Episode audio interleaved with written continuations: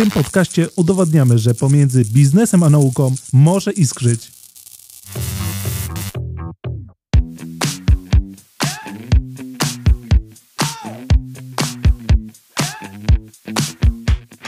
Dzisiaj to nie Rafał Gawlikowski poprowadzi odcinek tego podcastu, tylko ja, a nazywam się Angelina Sielewicz. Będę chciała Was dzisiaj przekonać, że elektronika może być biodegradowalna. Wiem, wiem, to brzmi jak absurd, ale nad takim właśnie projektem pracują naukowcy z Łukasiewicz Instytutu Mikroelektroniki i Fotoniki. Moim gościem jest dzisiaj dr Beata Sękiewicz-Musialska. Zapraszam do wysłuchania naszej rozmowy. Możemy zjeść sztućce. Jemy też talerze biodegradowalne, które powstają z otrąb pszennych. A czy możemy zjeść elektronikę?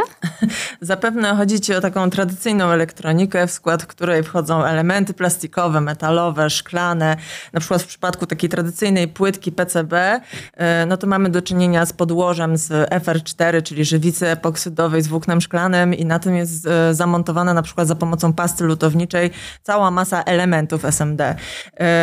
No i pomijając już fakt, że pasta lutownicza bardzo często jeszcze w dzisiejszych czasach zawiera ołów, który jest szkodliwy dla organizmu ludzkiego i szkodliwy dla środowiska, e, no to cała masa pozostałych komponentów musi być trwała, musi być wytrzymała, jest odporna na temperaturę, na, e, na wilgotność w dużym stopniu, więc siłą rzeczy nie jest przyjazna dla układu pokarmowego człowieka i absolutnie w żaden sposób nie jest biodegradowalna. No właśnie powiem, dlaczego zadałam w ogóle takie pytanie, ponieważ słyszałam o mężczyźnie, który jadł elektronikę. E, tak, no jadł elektronikę. Ja też myślę, że nie jedna osoba słyszała anegdotę na temat faceta, który zjadł samolot. E, nazywano go generalnie zjadaczem wszystkiego. Chyba żył bodajże we Francji. I jego największym sukcesem było zjedzenie e, awionetki o rozpiętości skrzydeł chyba 10 metrów. O rany. E, zajęło mu to dwa lata. No i generalnie on specjalizował się w, w zjadaniu przedmiotów, oczywiście małych e, fragmentów tej, nie tyle elektroniki, co ogólnie fragmentów metalowych, szklanych, e, ale poprzedzał to oczywiście wypiciem bardzo dużej ilości wody i oleju. I ten olej tworzył taką barierę w jego organizmie, która uniemożliwiała uszkodzenie układu pokarmowego przez wszystkie elementy, które spożywał. E, absolutnie nie było to trawione i tutaj warto zauważyć, że on tak naprawdę nie zjadał tej elektroniki, bo nie trawił jej, tylko przepuszczał ją przez układ pokarmowy jako ciało obce i w taki sam sposób jako ciało obce e, te wszystkie elementy opuszczały jego organizm w wiadomy sposób. E, także mm, myślę, że tutaj też nie dochodziło do takiego prawdziwego zjadania elektroniki. E, tak jeszcze a propos tego mężczyzny, kiedyś ktoś mu zadał pytanie, czy jest coś, czego by właściwie nie zjadł, to powiedział, no tak na dobrą sprawę to nie jem bananów i jajek na twardo. Bo akurat tego nie trawi, czy to mu nie smakuje, więc generalnie. No właśnie, także można by powiedzieć, że, że wtłaczał do swojego organizmu całą masę szkodliwych substancji, ale nie jest w tym osamotniony, bo warto zwrócić uwagę na to, że e, my wszyscy do naszego układu pokarmowego e, trafia wiele niechcianych elementów, takich jak na przykład mikroplastik czy metale ciężkie. E, nawet badania dowodzą, że organizm ludzki wydala części większe niż 150 mikronów, a reszta może się po prostu odkładać w naszych organach. Choć nadal brak jeszcze danych o szkodliwości na przykład mikroplastiku, możemy śmiało założyć, że właśnie tak akumulują się w ludzkim ciele toksyczne chemikalia, prawda?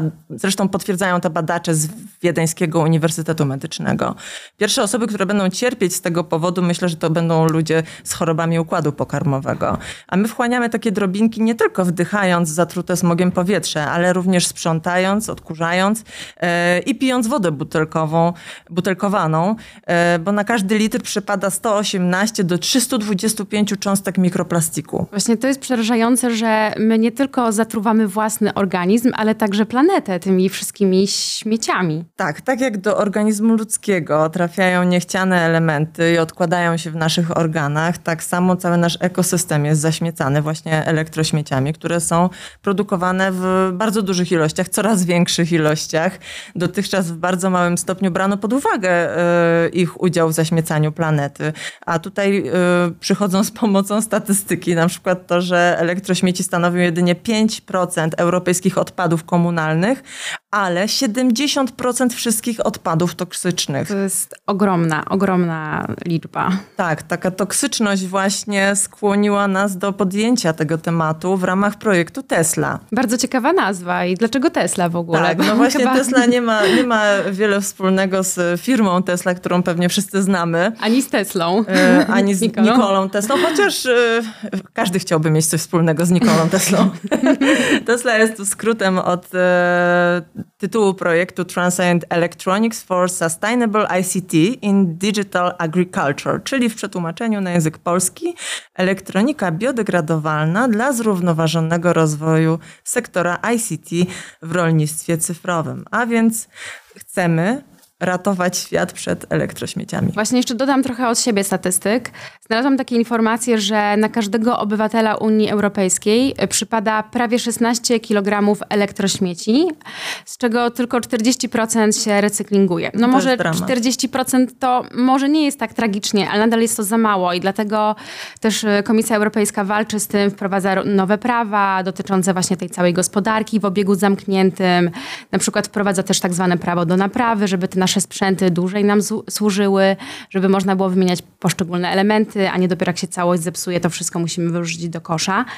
E, do tego chciałabym jeszcze dodać, że Polacy, co piąty Polak według badania GFK Polonia yy, przyznaje, że elektrośmieci wyrzuca do, do zwykłego kosza na śmieci. Co więcej, z tego samego badania wynika, że w domach Polaków wciąż zalega, uwaga, 20 milionów elektrośmieci. Ponad 51% Polaków przechowuje te śmieci u siebie w domach, w garażach, w piwnicach, z czego większość to jest duży sprzęt AGD, no ale też oczywiście laptopy, komórki, więc jest tego bardzo, bardzo dużo. Tak, no ja właśnie chciałabym e, przytoczyć rozmowę z moim znajomym, który, e, jak mu powiedziałam, że wystąpił tutaj w podcaście na temat elektrośmieci, elektrośmieci powiedział właśnie, że ma w piwnicy całą masę takiego sprzętu, bo a nuż się jeszcze przyda. Więc to jest taka, e, takie też myślenie Polaków, myślę nie tylko Polaków, wszystkich ludzi, e, że szkoda wyrzucić. E, niektóre sprzęty być może kiedyś w przyszłości naprawimy, a one tracą swoje zastosowanie stają się już e, kompletnie bezużyteczne. A technologie informacyjno-komunikacyjne, szeroko pojęte, wywierają wpływ na środowisko na każdym etapie cyklu ich życia. E, więc również w momencie, w którym zaczynają być jako sprzęt przechowywane gdzieś tam w piwnicach bez konkretnego celu.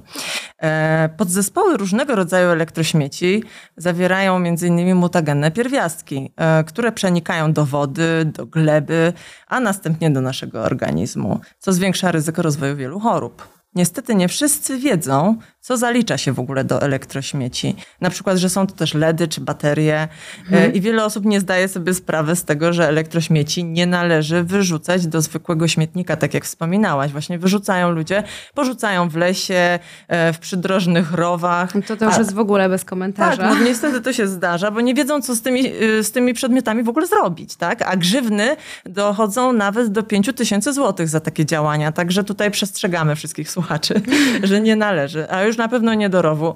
E, tymczasem e, możemy pozbywać się legalnie, e, w legalny sposób takich przedmiotów.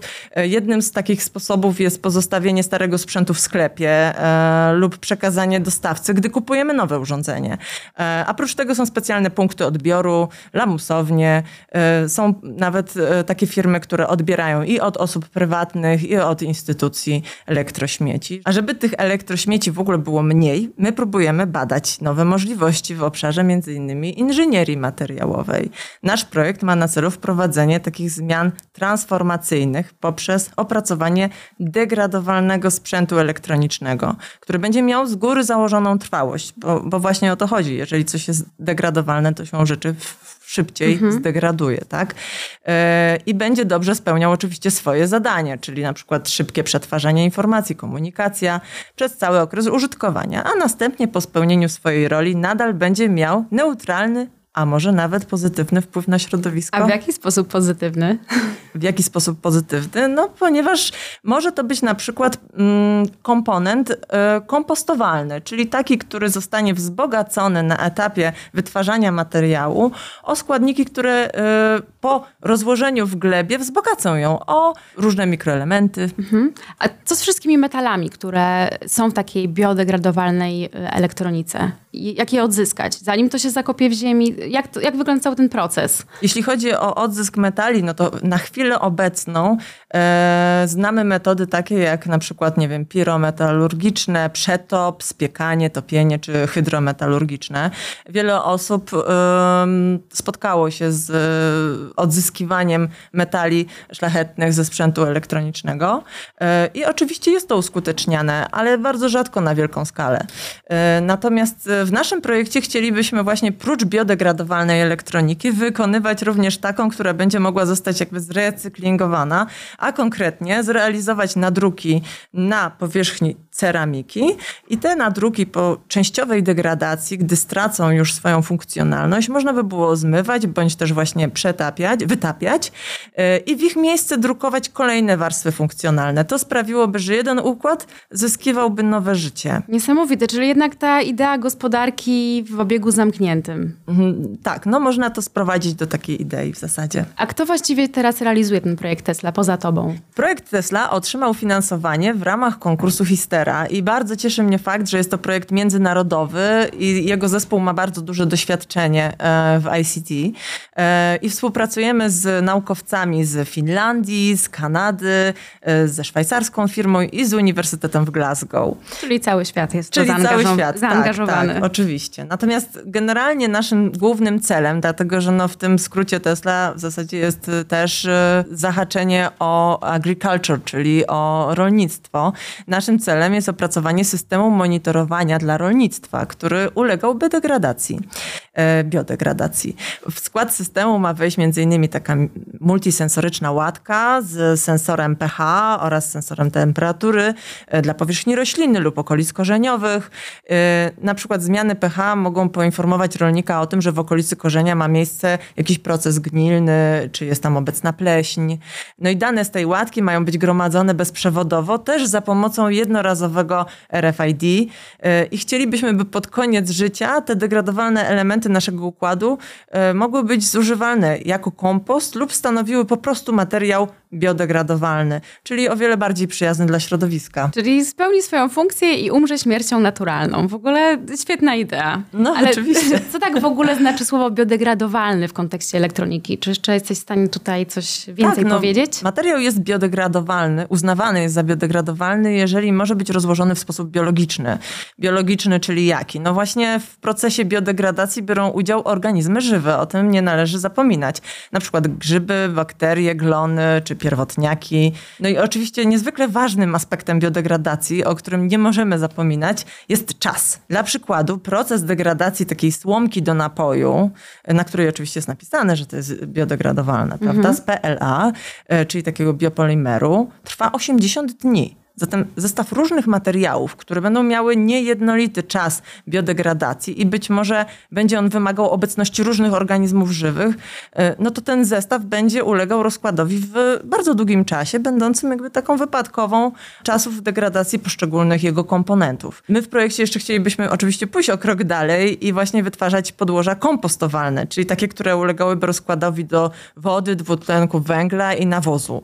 E, na etapie wytwarzania podłoży z biopolimerów możemy wzbogacać o składniki, których gleba potrzebuje.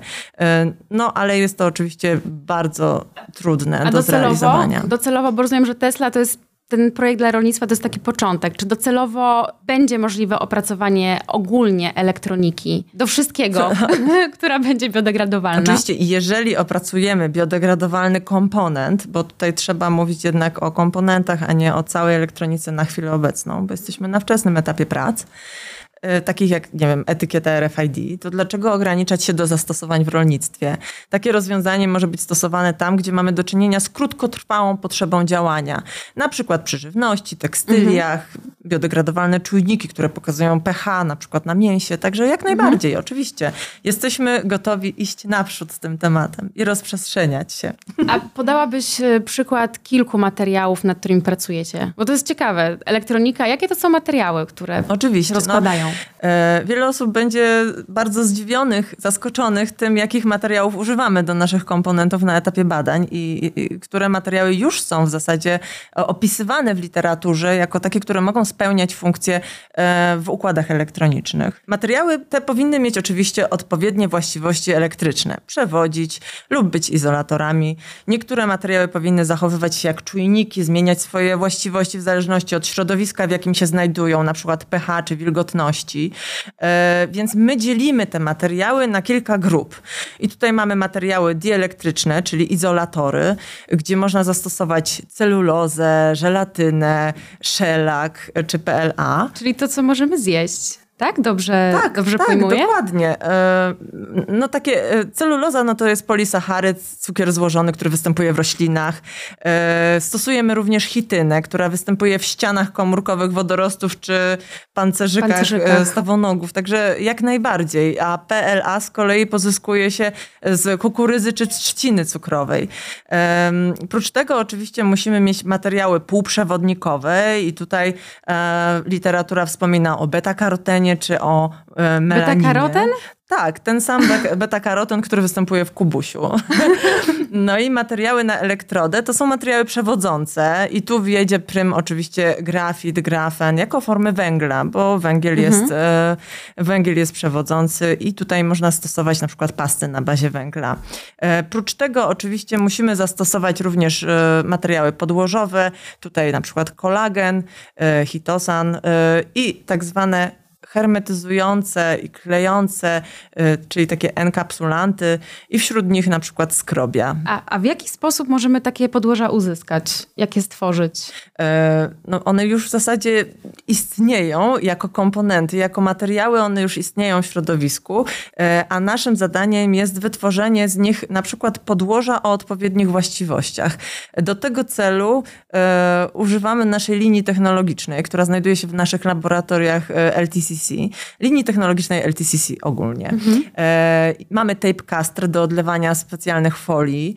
E, mamy również sitodrukarkę, żeby realizować na, nadruki na naszych podłożach.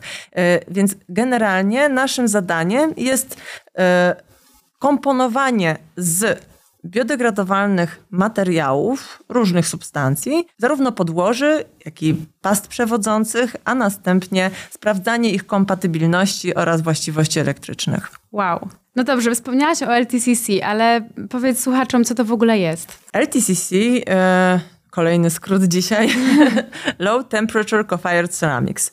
E, tym zajmuje się nasze e, laboratorium. Jest to ceramika współspiekana w niskich temperaturach. Czyli tak naprawdę podłoża ceramiczne, na których nadrukowujemy ścieżki na etapie, gdy one stanowią jeszcze takie elastyczne folie e, z komponentem organicznym. Nadrukowujemy na nich ścieżki, następnie składamy je w wielowarstwowe struktury i poddajemy współwypalaniu w temperaturach rzędu 800-900 stopni Celsjusza. E, Co ciekawe, dzięki niskiej temperaturze spiekania i możliwości wykonania takiej wielowarstwowej elektroniki w jednym procesie oszczędzamy energię, więc O. proces LTCC też jest krokiem w stronę zrównoważonego rozwoju. E, Natomiast obecnie oczywiście skupiamy się na materiałach biodegradowalnych w projekcie Tesla. No to bardzo fajnie, że działamy tutaj w kierunku no, takim zielonym. Oczywiście, też, też nas to bardzo cieszy. E, Cieszy nas to, że możemy używać materiałów podłożowych, e, które generalnie, biopolimerów, które generalnie występują w naszym otoczeniu, w naszym naj, najbliższym otoczeniu. Inspiracją do podjęcia prac e, była próba nadruku elektroniki na talerzu biodegradowalnym. Dlaczego O nie?